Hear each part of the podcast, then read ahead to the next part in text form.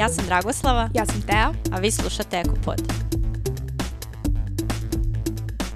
Zdravo svima, danas pričamo o otpadu, raznim vidovima otpada i o rešenjima kako možemo da unapredimo situaciju koja nije baš sjajna danas. E, naš gost je Igor Jezdimirović, predsednik udruženja e, inženjeri zaštite životne sredine iz Novog Sada. Zdravo Igore. Ćao E, možemo odmah da počnemo sa tvojim citatom. Apsolutno. Ja sam izabrao za citat deo iz pisma indijanskog poglavica Seattle iz 1854. kada je tadašnji predsednik Amerike Abraham Lincoln poslao njima pismo iz razloga da otkupi indijansku zemlju. Indijansko pleme Seattle je tada odgovorilo i jedan od tih citata govori da zemlja ne pripada čoveku i čovek pripada zemlji. Ako čovek pljuje na tlo, pljuje na samog sebe. To je jedan mali deo tog pisma koji možda je najbolji proglas prvoga, da kažemo, ekologa koji je tako upisan, koji pokazuje da mi ne posjedujemo ono što mislimo, nego da u suštini naš ceo život zavisi pre svega od zemlje i naše brige o toj zemlji.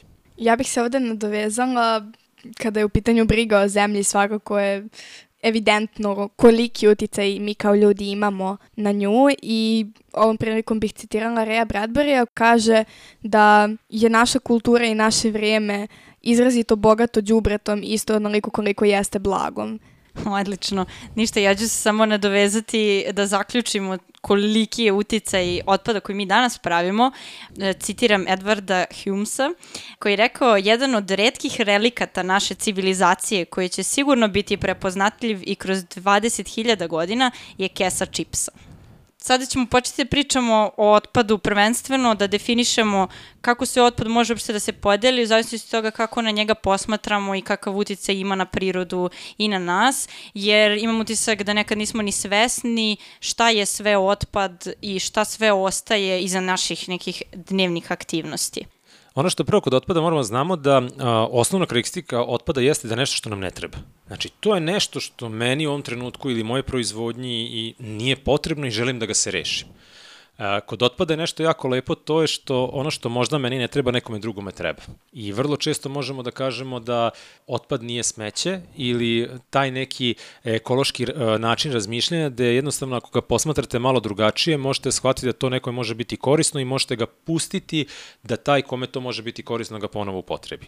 Kada otpad delimo sa stručne strane, njega delimo pre svega na opasan i neopasan otpad. Opasan otpad je onaj koji može direktno da na vrlo jednostavan i lak način ugrozi životnu sredinu i zdravlje, on mora imati neko od karakteristika, da li je eksplozivan, da li je lako zapaljiv, da li je infektivan. Dok ono što smatramo neopasnim otpadom jeste onaj otpad koji čak i da vam stoji pored vas, neće ugroziti zdravlje, osim što će vam zauzeti prostor i osim što posle određenog vremena pod uticajem atmosferskih, da kažem, dešavanja, može da određenu materiju pusti u vazduh, vodu ili zemljište i na taj način zagadi. Tako da su to neke dve osnovne podele. Onda ga delimo naravno na industrijski, otpad koji nastaje samim industrijskim postrojenjima i delimo ga naravno na onaj komunalni, to je ono što možemo da kažemo da mi svakodnevno iz kuće izbacujemo. I to je neka osnovna podela koja je najinteresantnija i bitno je da to znamo. Da je mnogo razlika da li pričamo o neopasnom ili o opasnom otpadu, da li je to nešto e, što nam stoji tu blizu nas i ne ugrožava nas direktno ili će nas ugroziti neki duži vremenski period ili može u vrlo jednom kratkom vremenskom periodu da nas ugrozi. Ono što naše slušalce najčešće interesuje jeste njihova uloga u cel, celoj toj priči. Pa sam je htela da takođe se malo osvrnemo na reciklažu da objasnimo kako se otpad deli u tom smislu, odnosno šta može da se reciklira i šta ne može. Mi smo u jednoj od prethodnih epizoda pričali o organskom otpadu, odnosno mm -hmm. o hrani i o tome kako bi to mogli da rešimo kompostiranjem, ali nismo razgovarali još o otpadu koji završava na deponiji, a ne bi morao da završi na deponiji i koji može da uđe u taj neki proces ili reciklaž ili ponovne upotrebe. Pa evo da sad odgovorimo na to pitanje šta može da se reciklira i šta može ponovo da se koristi kada je već upotrebljen. Kada pričamo o otpadu, bitno je da imamo tu teoriju takozvane hjerarhije upravljanja otpadom, koja govori da prvo što treba da uradimo kad razmišljamo o nečemu jeste kako da sprečimo nastanak samog otpada. Da li je to kroz ekodizajn ili je to kroz naše svakodnevne odluke koje donesemo kad kupujemo neki proizvod. Pa neću kupim proizvod koji je upakovan u šest ovaj, različitih pakovanja, nego ću da kupim proizvod koji nije upakovan više nego što je potrebno. Vrlo često je jedan lep primer kada oljušte naranđu pa je sapakuju u plastičnu posudicu i onda još oblepe plastikom. To je znači, umesto da si kupio naranđu koja ima prirodnu koru koju ćeš baciti i kompostirati, si je toliko zapakovo kao omogućio a, lakši dotok do potrošača takav način razmišljanja i kupovina takvog proizvoda odmah vam pokazuje da ste prvi nivo hijerarhije upravljanja otpada, to jeste prevenciju nastanka otpada preskočili. Znači tu prvo možemo kroz ekodizajn da uradimo dosta toga. Kada idemo dalje, dolazimo do tog dela, to je ponovna upotreba. Znači da proizvod koji meni više nije potreban ili nije mi potreban u toj svrsi u kojoj je planiran, mogu da iskoristim za nešto drugo. Znači, da li ću prepraviti neki stari ormar ili ću ga nekome pokloniti kome je potreban, ili ću otići na kraju krajeva i dati u prodavnici second handa, ili ću igračke s kojima sam se izigrao i prerasto sam ih dati ovaj, nekoj drugoj dece da se igraju. To je ta neka ponovna upotreba.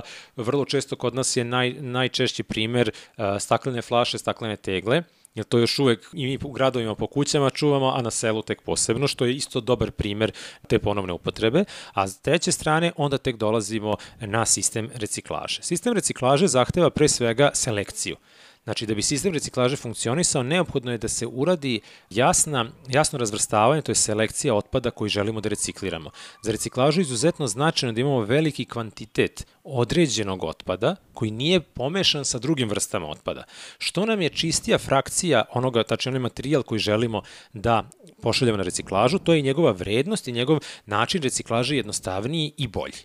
E, što nam je veća, da kažemo, pomešanost toga, onda smo u većem problemu i opet treba dodatne resurse da damo da se to selektuje i da onda možemo da pričamo o reciklaži. Četvrti korak u hijerarhiji upravljanja otpada, kada dolazimo do njega, to je u stvari korišćenje energije koja se nalazi u otpadu. Određene materije koje nismo uspeli da selektujemo i da pošaljemo na reciklažu su nam toliko miksovane da ekonomija je pobedila tu odluku da nešto uradimo i razvrstamo, možemo da pošaljemo na spaljivanje. Pritom pričamo o kontrolisanom spaljivanju, znači spalionice koje su svuda u svetu prisutne i koje na jedan kontrolisani način kroz visoke temperature izvlače energiju koja se nalazi u tom otpadu otpadu koji nam više nije potreban miksanom i kroz sistem a, filtera ne dozvoljavaju da materije koje tokom tog spaljivanja nastaju završe u životnoj sredini onda dolazi do toga da volumen, znači sama zapremina otpada koje spaljujemo, pada drastično. Znači na nekih 5% tačnije dobijemo pepela u odnosu na neku inicijalnu količinu otpada i tek onda ide sistem deponovanja. To je kada pričamo o hirarhiji upravljanja otpadom koja je sad nadograđena celom cirkularnom ekonomijom kao pojmom. Ono što mi imamo trenutno u Srbiji je malo drugačije i ono jeste problem. Mi imamo preko 4000 divljih deponija. Divlje deponije su vam mesto gde ste vi stovarili otpad bez da ste ikoga pitali i onda se to smatra divljom deponijom. Pritom imamo veliki broj, preko 100 različitih nesanitarnih zvaničnih deponija. To bi vam bilo mesto gde isto ste uradili stovarili otpad bez bilo kakve zaštite, ali ste se vi u gradu dogovorili da to tako radite. Vinča u Beogradu je dobar primer, u Novom Sadu je to na Klisi deponija, znači ona nema nikakve mere zaštite ili su te mere daleko od adekvatnih, ali eto mi smo se negde đubre moramo da sklonimo pa smo se dogovorili da to baš bude na tom mestu. I onda imamo sanitarne deponije koje su deponije koje imaju sve neophodne preduslove da taj otpad koji tamo odložimo nema štetnih efekata na životnu sredinu, a samim tim i na zdravlje ljudi. Kad kažemo da nema štetnih efekata na životnu sredinu, pre svega mislimo na to da recimo ocedne vode koje prolaze kroz telo deponije dolaze do jednog donjeg sloja zaštite i da se skuplja jedno mesto gde idu na prečišćavanje i onda tek završavaju u da kažem, recipijentu ili vodotoku koji prima to.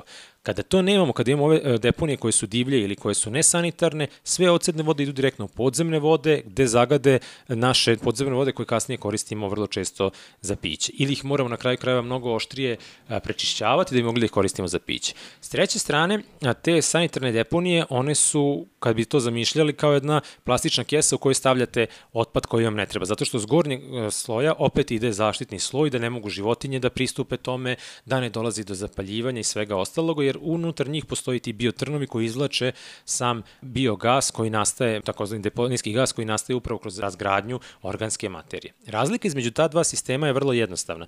Vi kada imate nesanitarnu deponiju, nažalost u našim situacijama, vi tamo bacate đubre, to je otpad kako vama pada na, na volju. Ne plaćate vrlo često ništa, i onda vam je to jedan jeftin sistem i izgovor da ne napredite sistem, to već traje decenijama tako. Kad imate sanitarnu deponiju, vaše vozilo koje dođe izmeri se i plaća se po toni.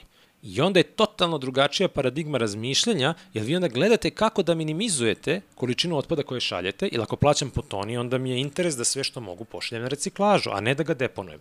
I tu dolazimo do tog problema zašto u suštini mi trenutno imamo u Srbiji taj sistem da možete da bacate na te nesanitarne ili divlje deponije bez da plaćate i to vam je ekonomski opravdano, mnogo više nego da bacate na sanitarne deponije gde bi plaćali po kilogramu ili po toni.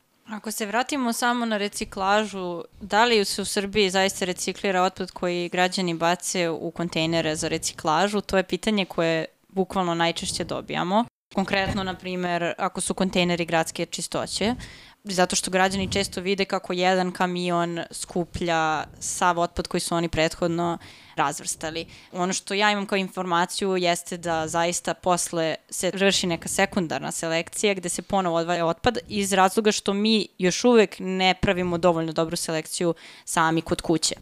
Jel to tačno? Jel vredi da mi kod kuće zaista odvajamo otpad i ubacujemo u posebne kontejnere i dokle smo mi stigli kao zemlja sa tom reciklažom, napredujemo li nekako ili to završi opet na deponiji nekoj. Znači, moramo prvo da znamo da je za reciklažu, kao što sam rekao, jako neophodno da imamo što čistiji otpad koji hoćemo da recikliramo. Znači, ako pričamo o flašama, da to budu sve pet flaše, koje nisu zamrljene, koje su određenog kvaliteta i koje mogu da se na taj način idu da se recikliraju. Ako imamo mešanu plastiku, pa iz nje treba da izvlačimo, to opet poskupljuje ceo proces.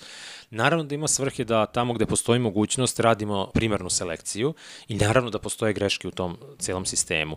Ono što jeste cilj svega jeste da težimo da se sistem uspostavi i da on funkcioniše. Postoje jako mnogo debata i sada već i istraživanja da li je primarna selekcija otpada trenutno u ovom sistemu gde mi živimo sa cenama koje mi plaćamo uopšte opravdana, jer moramo da vodimo računa o tome da sam kamion koji kod nas se uglavnom koristi, da bi pokupio iz dve različite kante, on mora dva puta da napravi turu. Kada posmatramo otpad kao sam za sebe, onda to može biti opravdano. Ali kada posmatramo ukupan uticaj na životnu sredinu sa kamionima koji koriste fosilna goriva, koji moraju dva puta da prođu određenu turu, ta matematika po pitanju životne sredine zna vrlo često da padne. Slična je situacija i sa kesama i debatom da li plastična kesa toliko loša u odnosu na papirnu, u odnosu na platnenu. Sve zavisi to koliko u suštini puta određenu kesu koriste. Tako i ovde situacija. Ako imate kamion koji ima dve poteljene ćelije, koji samo jednim prolazom možda pokupi dve različite priče, to je nešto što je više nego poželjno. Ali ako svaki kamion mora da prođe, mora dobro da se izračuna kakve su maršrute da bi pogledali celokupan utjecaj na životnu sredinu.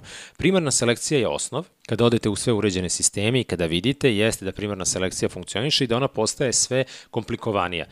Uvek su mi simpatični primjeri ljudi koji se vrate iz Japana koji kažu da je to tamo prosto neverovatno. M im nedostaje prostora, M sve moraju da rade u sitna crevca selekciju. Isto se već dešava u razvijenim zemljama zapada, gde jednostavno po boji plastike, po boji flaše, po vrsti plastike, aluminijuma ili metala drugog, morate da radite selekciju. Umesto da imate jednu kantu ili dve kante, imate gomilu kanti.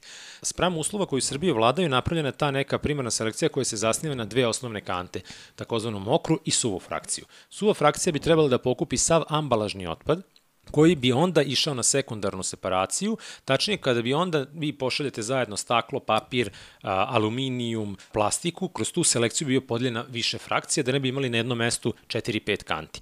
Mokra frakcija bi u suštini trebali da budu otpad koji nije ambalažni i koji bi trebalo da može da ide na kompostiranje i onda to ima određenog smisla. Čim pravimo miksanje jednog drugog, ceo sistem se poskupljuje i mora opet da se vadi. Tako da je sada trenutno u toku u Srbiji taj deo koji se koji nama malo starima poznat kao kaucija, a u suštini u pitanju depozit sistem koji bi odma trebao da omogući da se kroz njega direktno vraća staklo, aluminijum, tačne limenke i plastične flaše i da onda dobijamo jedan mnogo interesantniji i lakši način same reciklaže. Tako da kao građani, opet se vraćamo na onu hjerarhiju prvo, prvo možemo da odlučimo na to od koji proizvod kupujemo, na koji način, koliko on stvara otpada i nakon naše upotrebe, a onda ono što je minimalno možda uradimo jeste ta selekcija. Što se tiče ove prakse da vrlo često vidimo ili smo imali možda nekad priliku da vidimo da iz dve kante odlazi u jednu, a jedan kamion, to je čisto pogrešan princip, jer to koliko god se vi trudite da pričate o ekologiji, da pričate o životnoj sredini, da pričate o tome da je to potrebno, da uradite to jednom kada vidite, vi ste izgubili bilo koju vrstu motivacije da više radite selekciju. Problem jeste u tome što kod nas ne postoji odgovornost za brljavljanje u životnoj sredini. Znači, neće taj direktor javnog komunalnog preduzeća da dobije packe ili da izgubi posao zato što je tako nešto dozvolio,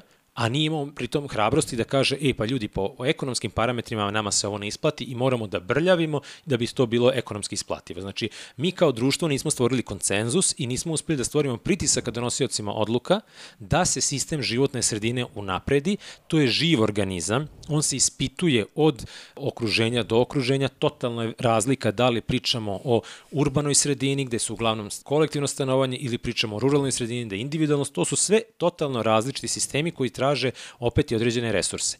Tako da je neophodno da njemu razmišljamo na način koji je nama najadekvatniji i da ga kroz vreme popravljamo. Vi kad odete danas u sisteme koji se upravljaju otpadom u razvijenim zemljama, oni su taj sistem gradili po 5 do 7 godina, ali su imali kontinuitet. Mi imamo situaciju da kako se, koji je sistem, da kažemo, kako prođe koji izbori promeni, kako koji direktor, mi menjamo ceo sistem upravljanja otpadom, a u suštini treba samo da nastavimo gde smo stali i da imamo jasnu viziju gde hoćemo da stignemo da polako završavamo sa ovom reciklažom, imala bih još jedno pitanje za tebe, a to je da, jasno nam je da taj otpad mora biti čist i da ako smo mi plastičnu, ne znam, onu šoljicu od jogurta koje nismo oprali, a bacili smo je u kantu, da smo mi tu napravili problem samim tim što je taj jogurt i dalje tu i da to onda smanjuje zapravo efikasnost same reciklaže. Ono što mene zanima, postoje li neki malo subtilniji primjeri toga koji su česte greške? Meni je, ja mislim, baš da da skoro rekla da ne bi trebalo da bacam račune, jer to kao nije papir kao papir, nego je, na njemu postoji nešto što samim tim prlja sav taj okolni papir i otežava reciklažu. Ima li takvih primjera još? Pa evo, računi su odličan primjer. Alkem, isto članica koalicije 27, je radila istraživanje i dokazala da trenutno računi koje mi primamo u prodavnicama sadrže opasne materije koje utiču negativno na zdravlje ljudi. I onda smo dobili zakonski rok od dve godine da se to promeni. Znači, mi sad znamo da svaki put kada uzmemo račun u prodavnici, ona sebi sadrži materiju koja je opasna za naše zdravlje, ali je naš zakonodavac rekao, je pa to nećemo sad da menjamo, to je malo zdravlje ljudi, da malo to sačka, ajde kao dve godine to pomerimo. Umesto da je odmah reagovao. I upravo je to ta situacija. Vi sada kada neki opasan otpad ubacite ili kontaminirani, da kažem, nešto što ne treba da bude u reciklaži, ubacite unutra, vi onda imate jako veliki problem da tu opasnu materiju kasnije izvučete. I zato je taj sistem kontrole toka otpada koji dolazi u reciklažu izuzetno bitan. Vi imate ambalažu recimo od opasnog otpada, tačnije od pesticida koji se koriste u poljoprivredi apsolutno može da se reciklira bez bilo kakvih problema. Kada takvu jednu ambalažu ubacite zajedno sa nekontaminiranom ambalažom, vi ste u suštini ceo taj proces pogrešili. Tačnije, odjednom dobijate proizvod koji više nije bezbedan i koji može da ima u sebi mnogo negativnih efekata. Ista je situacija bila, opet Alhem, vraćam se na njih kao organizaciju koja se izuzetno bavi tim delom kako se iz, recikla, iz reciklaže plastike nam dolaze i opasne materije, jer morate ispratiti od čega dobijate neki novi proizvod. Ako u tome postoji kontaminirana substanca, ona će samo proći u sledeći proizvod i nećete možda znati da se uh, to dešava. Tako da je zato bitno da iskontrolišemo šta i kako se dešava. Sam proces reciklaže vrlo često brkamo sa samom separacijom. Znači, separaciju je jednostavno odvajanje otpada. I mi pričamo, ja, kao naše javno komunalno preduzeće se bavi reciklažom. Ne, oni se bave selekcijom otpada. Samo ga razvrstaju. Reciklaža kao proces znači da vi uzmete gomilu stare plastike i napravite novi proizvod. Za to vam treba industrijski pogon ili vam treba neki sistem ili jednostavno da imate tu mogućnost. To je opet sad deo koji industrija treba da pokrije i trebalo bi kao društvo da odlučimo prvo koje vrste otpada nama nastaju, kojim količinama, na koje načine dolaze do određene industrije i koje su to nama postrojenja potrebna da bi taj otpad proizvali i stvarili u funkciju nekog novog proizvoda i koji bi to novi proizvod bio. Zato je neophodan društveni dijalog i neophodno je poznavanje samog sistema i fino podešavanje. Jer kad kažemo, ok, super, evo ja sad skupio gomilu papira, a to nema ko da pokupi. Naravno da vi kao u domaćinstvu kad pokupite 10 kg starog papira, to niko neće dođe pokupi, jer je mala količina ekonomski neopravdana. Međutim, ako se kao kvart udružite i skupite taj papir, vrlo rado će neko doći da to pokupi. S druge strane imamo situaciju da je 2018. došlo do toga da je Kina rešila pa ja više neću da budem skladište đubreta, i zabranila uvoz plastike, tačnije otpadne plastike, pa polako posle i kartona i svega i počele su da se gomilaju određene količine čak i reciklabilnih materija koje više nima ko da, da kažem, da otkupi i počela je njihova cena polako da pada. Došli smo do toga da a, jednostavno to više nije isplativ posao bez subvencije. Ali ne u smislu subvencija da je to sad, ne znam, nija potrebno iz nekog posebnog budžeta da se finansira. Mi kada kupimo svaki električni proizvod, Mi platimo ekološku taksu koja treba da služi za to da kada ga bacimo ima ko da ga pokupi, reciklira i da sve ono što bi moglo da utiče negativno na životnu sredinu i zdravlje ukloni. Nažalost, pola tih sredstava koje mi platimo ode u magični šešir zvani budžet, iz koga pojma više nemate zašto se troši, a tek polovina toga što prikupite se vraća u sistem zaštite životne sredine. Pomenuo si sad električne proizvode. Kako je stanje sa elektronskim otpadom u Srbiji? Ja se sećam da je pre pa ne znam nija koliko godina, mislim da sam tad još bila u osnovnoj školi, da su nama dovezli kao neki veliki kavez u koji smo mi stavljali stare tastature i to je tu stajalo dve godine barem i niko to nikada nije došao da pokupi. Šta se zapravo u Srbiji radi sa elektronskim otpadom? Elektronski otpad preuzimaju operateri, to je poseban tok otpada, preuzimaju određeni operateri koji onda imaju ceo sistem da ga rasklope, određene komponente da iskoriste i vrate u sam proces reciklaže. To je ono pogotovo interesantno bilo u onom trenutku kada smo menjali e, stare katodne televizore sa LED televizorima, s obzirom da katodne cevi unutar sebe sadrže opet određene materije koje je neophodno na poseban način ukloniti da ne bi zagađivale životnu sredinu i ugrožavale zdravlje ljudi, onda se to upravo pokazalo. A, taj primjer koji si dala je nažalost ono što je glavni problem Srbije, a to jeste loša organizovanost. Mi krenemo negde, to nekako još se i do toga da dođe kontejner dotle uspemo da dođemo. Pa i uspemo da na, obradimo i objasnimo i edukujemo da to treba. E, ali kad treba to pokupiti, aj prvi put, još kako tako traje projekat, pa drugi put već je na kraju projekat završava se, e treći put ne više ko da pokupi. I onda jednostavno konstantno opada interesovanje za celu tu priču, jer ovo je 15. primer kako nešto nije uspelo. Jer ne postoji kontinuitet i sistem i želja na kraju krajeva donosioca odluka onih koji sprovode sistem, da kažem odluke unutar sistema, da to traje. A moramo shvatimo da jedno urbano društvo je do sada taj kapitalizam pokazao da kako raste sam da kažem, benefit ili kako rastu primanja, tako raste i količina otpada. Tek sada sa ovom novom idejom cirkularne ekonomije to bi trebalo, ceo ta, cela ta paradigma nastanka otpada koji je direktno povezan sa količinom novca koju možete da potrošite bi trebalo da se promeni da vi kao potrošač, građanin, donosilac odluka shvatite da imate mogućnost da zadovoljite sve svoje potrebe na način koji ne stvara otpad. Dobri primjeri tu su i recimo aparati za kopiranje ili za štampači koje više ne morate da posjedujete. Jer meni ne treba štampač, meni treba odštampani papir. I vi onda imate totalno drugu stvar. Ranije ste kupite štampač, dobijete džaba ako kupite, kupite ketridž. Jer onaj koji proizvodi štampač, njemu nije glavni proizvod štampač, nego ketrič koji će posle da mu uvalja po mnogo skupljoj ceni, a štampač dobijete gratis kao eto da se nađe. Sada postoji totalno drugačija varijanta da vi iznajmite određeni štampač koji plaćate iznajmljivanje na osnovu strana koje ste oštampali. I onda onaj koji proizvodi tu vrstu štampača je u interesu da taj štampač što duže traje. Da nikad ne postane otpad, nego da može svaki element da se zameni, jer mu je to biznis plan. A prethodni ideja je bila samo daj što više tih štampača da mi pocrka, da što više ode u otpad, da ti moraš svake dve godine da kupuješ novi štampač. Tako da samo način razmišljanja može i, da kažem, biznis e, modela može da promeni jako mnogo način nastajanja samoga otpada. Mi smo ranije imali staklene boce koje su bile povratne. I vrlo često ja kažem, kako te ne mrzi sada opet nosiš kiselu vodu u povratnoj ambalaži pa na četvrti sprat? Pa ne mrzi me jer imam svest o tome da ona plastika jednom je iskoristim i u suštini neko mi puni u plastičnoj boci, on mi ne, ne, ne prodaje vodu, on mi prodaje plastiku koja kasnije nastaje, džub, nastaje džubre od njega ili otpad i koji vrlo često ne završava na reciklaži, nego završava unutar neke deponije koje će opet da mi se zapali i kada se zapali, onda ću imati problem sa uh, zagađenjem vazduha.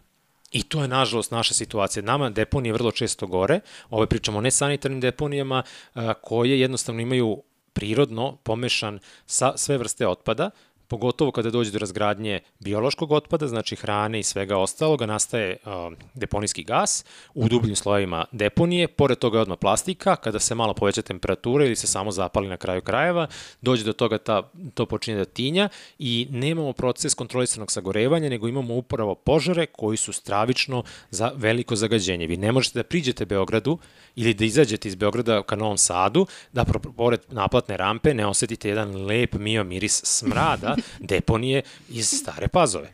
Ali to je tako i to je nešto što, što nažalost nama ne smeta. To je, nije problem kada vi napravite grešku, što vam, vi ne želite da tu grešku otklonite. To je ono što je, što je glavna situacija. Pa mi kao da nismo, to recimo poslednjih 50 godina, kako je krenula da se nagomilava ta plastika, mi kao da uopšte nismo razmišljali ni malo unapred i nismo uopšte ni pretpostavili koliki ćemo problem da imamo i sad moramo da se vraćamo u stvari na te neke stare navike koje smo pokušavali da izbacimo. I Mislim da imamo još jedan aspekt otpada u kome uopšte ne razmišljamo već jako dugo i takođe izgleda kao da nećemo skoro početi da ga rešavamo, a to je još jedna vrsta otpada koju stvaramo bukvalno svakodnevno i koja odlazi u vodu i, i dalje imamo neko to verovanje da će voda to sve da proguta i da će to negde da nestane i to je doslovno sve što mi radimo u kuhinji, u toaletu i na kraju krajeva i u prirodi, kao bacimo u vodu i to će samo da se raspadne tamo. E, većina ljudi zna sada da neće samo da se raspadne, međutim i dalje sve odlazi u vodu. Barem ja nisam do skoro ni znala da je to baš toliko strašno da mi apsolutno ništa ne filtriramo što odlazi u vodu, tako da u reke naše. E, tako da bih volila da nam objasniš i da svi koji slušaju ovo čuju to glasno i jasno. Kakva je situacija kod nas sa vodama i da li postoji neki u skorašnje vreme plan da se ona nekako malo popravi? Da. Postoje dve poslovice u našem narodu. Jedna kaže voda izvor života i druga kaže voda nosi sve. Ova druga koja kaže voda nosi sve je nešto što mi verujemo da upravo to kada bacimo, to će voda da odnese. I vrlo često možete videti po raznim krajevima Srbije koji su pored velikih reka da se tu odmah nalaze velike deponije. Jer najđe poplava, malo se digne vodostaj, on ponese svoje đubre i taj, to đubre nije vaš više problem. Svi pamtimo za vreme poplava onaj epski snimak bagera koji sa jedne strane mosta uzima plastiku i baca na drugu stranu mosta i izjavu kriznog štaba koji kaže da, da, da, mi smo morali odmah hitno da reagujemo, umesto samo da su pacijenti stavili jedan kamion pored i to isto đubre odmah stavljali u taj kamion i nosili na deponiju. Ali to je taj način razmišljanja. Mi stalno gasimo požare. Mi uopšte nemamo kulturu dugoročnog planiranja. Ima gomile sijaset razloga zašto je to tako, ali ćemo sa otpadom i sa generalnom životnom sredinom ne budemo li promenili način razmišljanja imati ozbiljnih problema, jer vi možete životnu sredinu za godinu dana da degradirate ali će vam trebati 100 godina da je ponovo vratite na neki mali sistem. Pogotovo recimo kad je pitanje zemljište, to mi svi kao smo, ah kao malo, prebacili smo malo poljoprivrednog zemljišta u građevinsko, malo smo ga zagadili, bacili, nije ništa strašno. Vama za 1 centimetar a, zemljišta da nastane kvalitetnog treba preko 100 godina. Znači vi kad ga jednom uništite, to bukvalno možemo smatrati nepovratno. S druge strane, kada pričamo o vodama, mi se prema njima upravo odnosimo to voda nosi sve i samo 10% otpadnih voda u Srbiji mi prečišćavamo. To je ono što jeste glavni problem. Znači, bukvalnom smislu reči, Novi Sad, Beograd, veći gradovi, sve ono što vi danas ostavite u WC, u kuhinji, ali isto tako i sve ono što industrija dobrim delom ostavi kroz svoje proizvodne procese, ide direktno u naše velike reke. I sad kaže, postoji taj animozitet, jedan mali između kao Beograda i Novog Sada, a s druge strane ja kažem našim mojim novosađanima, a šta je vama problem? Pa vi sve što ostavite u WC ode direktno dole Beograđanima. Ja ne znam baš ko tu sad koga i zašto ne bi trebao da voli. Jer to je ta situacija kad imate uzvodno ste u mnogo boljem položaju nego kad ste nizvodno.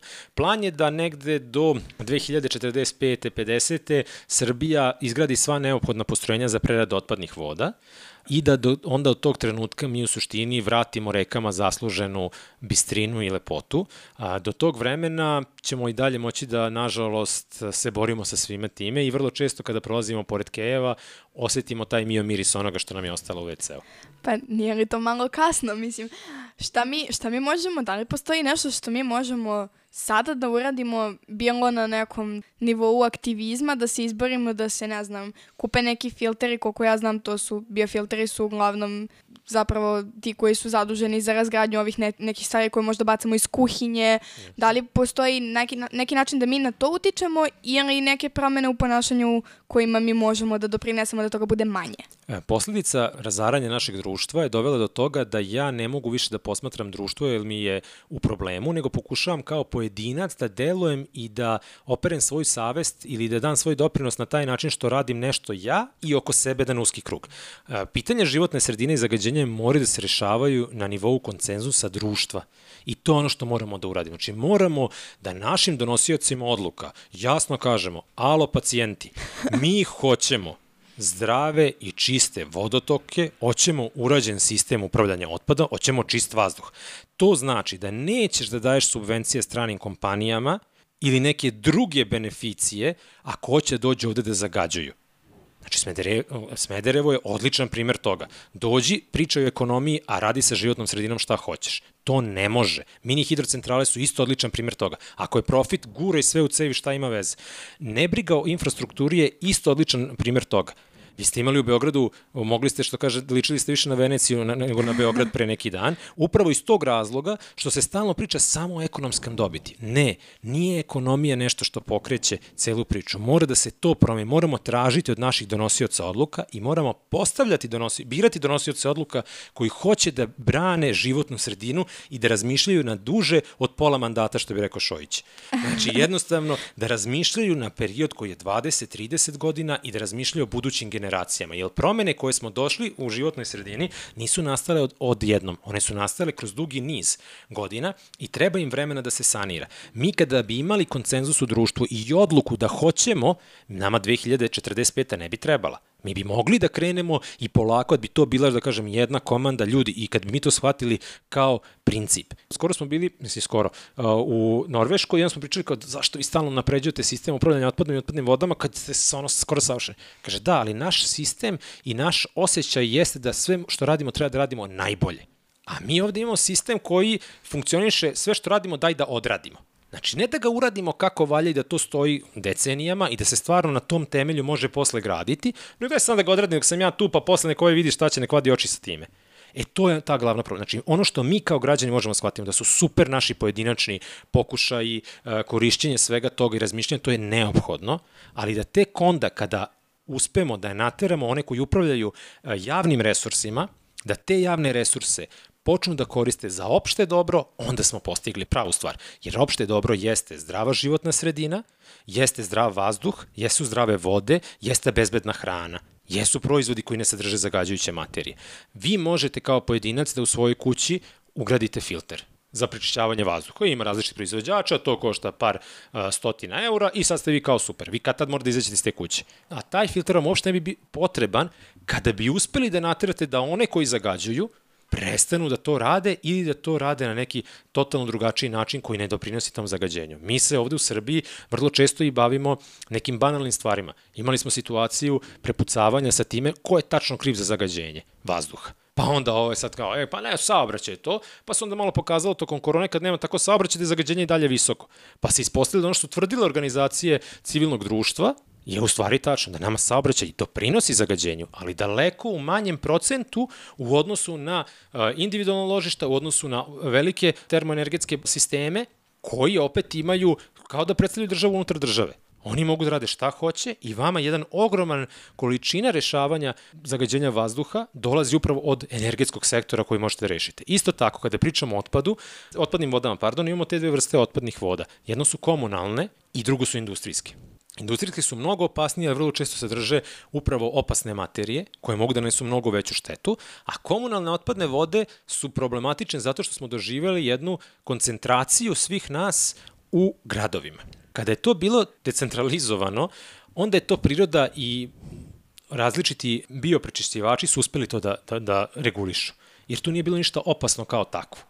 Međutim, kada je to sad ta količina otpada koju imamo, onda je potrebno da imate ogromne reke kao što su Dunav i Sava, koji mogu da budu ti prirodni filteri, pričamo opet samo o komunalnim bezopasnim vodama na neki način. Ali i dalje u toj količini oni postavljaju ozbiljno opterećenje i uništavaju živi svet i sam tok voda. A industrijskim, one ste videli, kada se pojave u manjim količinama, u manjim vodotokovima, odmah imate izvrtanje ribe i imate apsolutno tamanjenje živog sveta. Što se tiče konkretno komunalnih voda, vidimo da ljudi svašta, ali bukvalno svašta bacaju svoje veće šolje od štapića za uši preko pelana i vlažnih maramica do higijenskih uložaka i čega sve ne. Međutim, ono što je jedan veliki problem i što smo mi skoro zapravo shvatili da je, da je veliki problem, a to je medicinski otpad, to su lekovi, to su hormoni, to je sve i svašta što dalje ponovo kad završi u vodi može da utiče na sve ono što tu živi. Kako se kod nas odlaže medicinski otpad, odnosno da li se uopšte odlaže, gde ja mogu lek kome je istekao rok da odnesem bez da ga bacim u WC šolju i bez da ga bacim u kantu i pustim da, na primjer, ako je antibiotik završi na deponiji, da onda neke bakterije postanu rezistentne na njega i da se onda svi porazboljavamo i da ne možemo da se izlečimo. Šta da radim sa medicinskim otpadom? E, to je sad upravo pitanje tog sistema koji nama nedostaje. Teorijski, kada gledamo zakonsku proceduru i šta bi trebalo, to znači ovako vama istekne lek, vi ga vratite u apoteku i onda apoteka to zbrine na adekvatan način kako se zbrinjava farmaceutski otpad, tačnije preda onom operateru koji to može bezbrižno da uništi. To je teorija. Praksa je da vi kada odete, možda sad obiđete 30 apoteka, nijedno vam neće primiti stari lek. Zato što neće jednostavno da neko plaća a, nešto što ste vi platili već, a to znači ja kad kupim lek, jedan deo cene je plaćen i za zbrinjavanje tog leka nakon toga. Ali zbog onog nedostatka mehanizma o kome pričamo, da se deo sredstava koje sam ja dao za ekotaksu direktno koristi za ekotaksu, mi imamo to da jednostavno onaj ko prikupi lek mora sam da finansira odlaganje tog leka. I zato sve apoteke beže od toga. Znači, i sistem je tako, da kažemo, teorijski ustvoren, da kad vama nešto preostane, i to je produžena odgovornost, da kažem, proizvođača, taj lek vratite, on ga preuzme i on je odgovoran da plati njegovo zbrinjavanje. Nažalost, kažem, sistem ne funkcioniše i onda imate upravo to da lekove morate zbrinjati kako znate i umete. Medicinski otpad je s druge strane, on uglavnom nastaje da kažem, medicinskim ustanovama. E, veliki broj naših ustanova ima autoklave koji treba da obezbede dobar deo, da kažem, e, sređivanja problema, tačnije da od infektivnog napravi e, neinfektivan ili neopasan otpad koji onda može da ide na komunalnu deponiju, pod uslovom da ne sadrži neke druge elemente i imate operatere koji direktno preuzimaju medicinski otpad sprem toga koja vrsta je i onda ga šalju na reciklažu pod određenim sistemima. Jedno, kada pričamo sa recimo, skoro, smo pričali sa operaterima medicinskog otpada. Ono što je njima uvek bilo čudno što tim nekim propisima im ne dozvoljavaju da e, unutar tog medicinskog otpada kada imate e, najfiniji čelik od različitih, da kažemo, alata koji se koriste za, za operacije, ne možete da ga ponovo koristiti, nego mora da bude adekvatno deponovan. To znači da vi najfiniji čelik koji vam se sadrži u nekim od uređaja, umesto da ponovo pretopite i reciklirate, vi morate da odložite, jer tu recimo nije zakonska regulativa do kraja rešena. Znači, to je sistem koji se fino podešava i koji ne može da se zasniva samo na pukom prepisivanju tuđih zakona, koliko god oni bili dobri, nisu prilagođeni uvek za nas i ne može da bude baziran uvek na stranim ekspertima. Vama je neophodno neophodna lokalna struka koja poznaje lokalnu sredinu i lokalni mentalitet. To znači da jedan sistem upravljanja otpadom može da funkcioniše u jednoj lokalnoj sredini, a totalno drugačiji mora da bude u drugoj. Kod medicinskog otpada to je mnogo jednostavnije u tom smislu što su propisi jednostavni, da ili imate mogućnost da određenu vrstu otpada napravite iz infektivno neinfektivan, pa ga odložite na, na adekvatan način, ili zovete operatera koji o tome brine, ali u tom slučaju vi tom operateru morate da platite po kilogramu, e tu onda dolazi do toje matematike, ko to stalno plaća? Uh, hajde da završimo nekom uh, pozitivnijom i optimističnijom temom, a to je cirkularna ekonomija koja je definitivno naša budućnost, e, ne samo u Srbiji, u celom svetu praktično. Malo smo već pomenuli, ali ja bih voljela da posvetimo malo više vremena da objasnimo šta tačno podrazumeva cirkularna ekonomija, kako se ona razlikuje e, u smislu upravljanja otpadom, odnosno ne bi trebalo da ima toliko otpada uopšte ako idemo tim putem. E, da prosto objasnimo šta je cirkularna ekonomija kao pojam, šta ona podrazumeva, koja je opet uloga građana, koja je uloga država u celoj toj priči i koliko je nama to bliska budućnost. Cirkularna ili kružna ekonomija je u suštini jedna nova paradigma, novi način razmišljanja koji treba da nam omogući da kada jednom neki prirodni resurs ubacimo u sistem proizvodnje, on u tom sistemu ostaje što duže. Do sada smo imali linearni sistem razmišljanja, linearni sistem ekonomije koji kaže uzmeš iz prirode resurs, ubaciš ga u sistem, iskoristiš proizvod koji je od njega nastao i ono što ostane baciš. Kružna ekonomija govori ne, ne bacaš, nego vraćaš ponovo i ono što je e, otpad postaje nova sirovina za novi proizvod. Pored toga, da kažem, plastičnog ovog objašnjenja same kružne ekonomije ili cirkularne, jeste bitno da ona ne vodi računa samo o otpadu kao takvom, ona vodi isto vreme računa o celokupnom sistemu, znači i o upotrebi količine vode koje je potrebno da se neki proizvod dobije i o sistemima potrošnje energije koji je neophodan za određeni proizvod, tako da kružna ekonomija teži da minimizira resurse koji su potrebni, da te resurse dobija iz otpada, tačnije da ih ponovo i ponovo koristi, kopirajući dobrim delom i prirodu. Ono što je neophodno u tom sistemu jeste da on mora biti dobro organizovan, sa jasnim ulaznim podacima, da vi u svakom trenutku kao privreda možete da baratate sa time koliko određenih resursa imate na raspolaganju i kog kvaliteta. Nekada je, u stvari, naš SEO sistem ekonomije mnogo lakše bio i decenijama naš sistem ekonomije je naviknut od toga da uzima iz prirode resurs, obradi ga, dobije onu materiju koja mu treba, pusti ga u sistem i vrati. Ovde kod cirkularne sada će privredni subjekti morati mnogo bolje da budu uvezani i da shvate da njihov sistem proizvodnje i njihov otpad direktno utiče na tuđi sistem proizvodnje i opet otpad koji nastaje. I poenta jeste da se što manje prirodnih resursa ubacuje u sistem proizvodnje, a da se što više resursa koje smo jednom ubacili vrte unutar samoga kruga industrijske proizvodnje. Jedan od razloga koji je, kažem, pokrenuo ovu priču o cirkularnoj ekonomiji jeste upravo da su ograničenja koje ova planeta e, ima postala stvarno ograničenja u smislu onoga što čoveku je potrebno. Kada mi gledamo našu industriju, ona može mnogo više toga da preradi nego što planeta može da proizvede. Pogotovo kada pričamo čak i o obnovljivim resursima, kamoli o onima koji su neobnovljivi.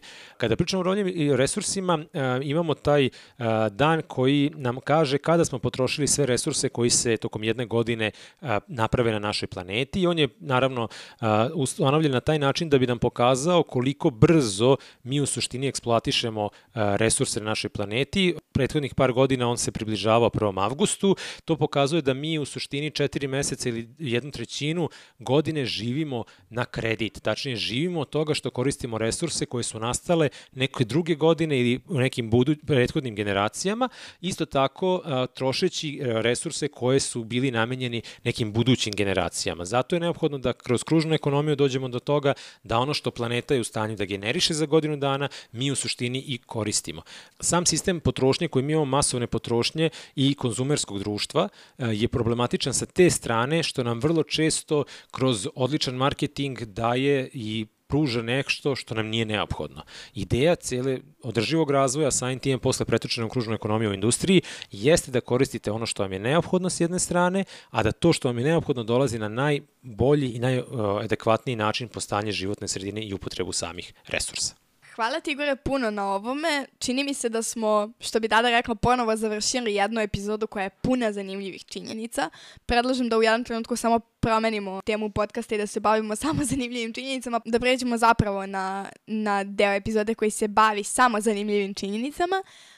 Ja ću početi sa nečime što je onako malo pa meni bar bilo deprimirajuće, a to je da pored ovih sedam poznatih kontinenta imamo i jedan mini kontinent smeća. Mini kontinent zato što je po površini manji od većine ostalih kontinenta, ali nemojte da vas to zavara, nije ni malo mali, pokriva čak 1,6 miliona kvadratnih kilometara i sačinjen je isključivo od smeća. Ovo je nešto što je poznato u geografiji kao veliki pacifički tepih smeća i to je samo jedna nepregledna gomila svakakvog smeća od plastike, mulja, kakvih toksina, piljevine, svakakvog nekog đubreta koje su ljudi bacili i koje su onda pokupile morske struje koje, se, koje kruže Pacifičkim okeanom i sve su ga sve to smeće su nataložile u centar, dakle, svoje kružne putanje. Sada imamo situaciju da 94% cijelog jednog mini kontinenta čini mikroplastika za koju znamo da je opasna, za koju znamo da ugrožava život, ne samo vrsta koja žive u moru, već i naš i da mogu da naprave jako ozbiljne probleme. Sada imamo situaciju da se to sve nalazi koncentrisano na jednoj ogromnoj površini i čak iako je koncentracija ovog otpada tolika da varira od 10 do čak 100 kg po kvadratnom kilometru ovog prostora, i dalje je to sve toliko tanko razmazano, da tako kažem, da se iz svemira satelitskim snimcima ne može videti.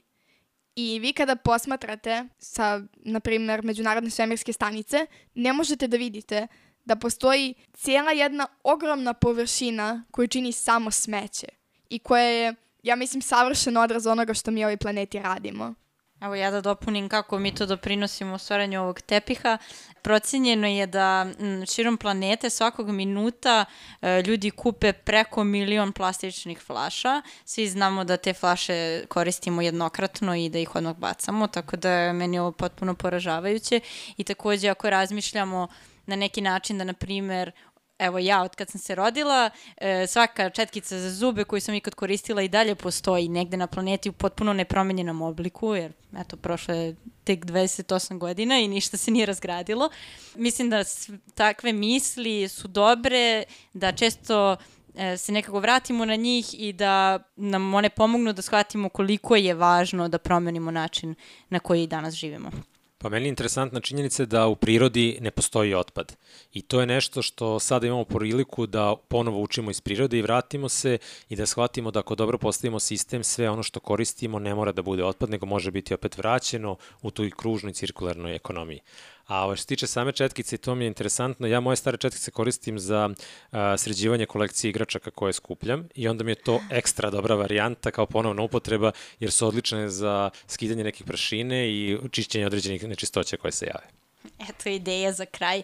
E, Podsjećam vas da možete da glasate za naše zanimljive činjenice na našoj Patreon stranici, a do tada nemojte da zaboravite da planeta može da preživi ovo što i mi radimo, ali pitanje je da li možemo mi.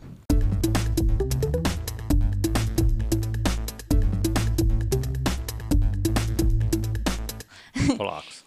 Kola kao statusni simbol i zašto muškarci češće reše da idu kolima, ne bajs. Ti isključen mikrofon. Jo, izvini.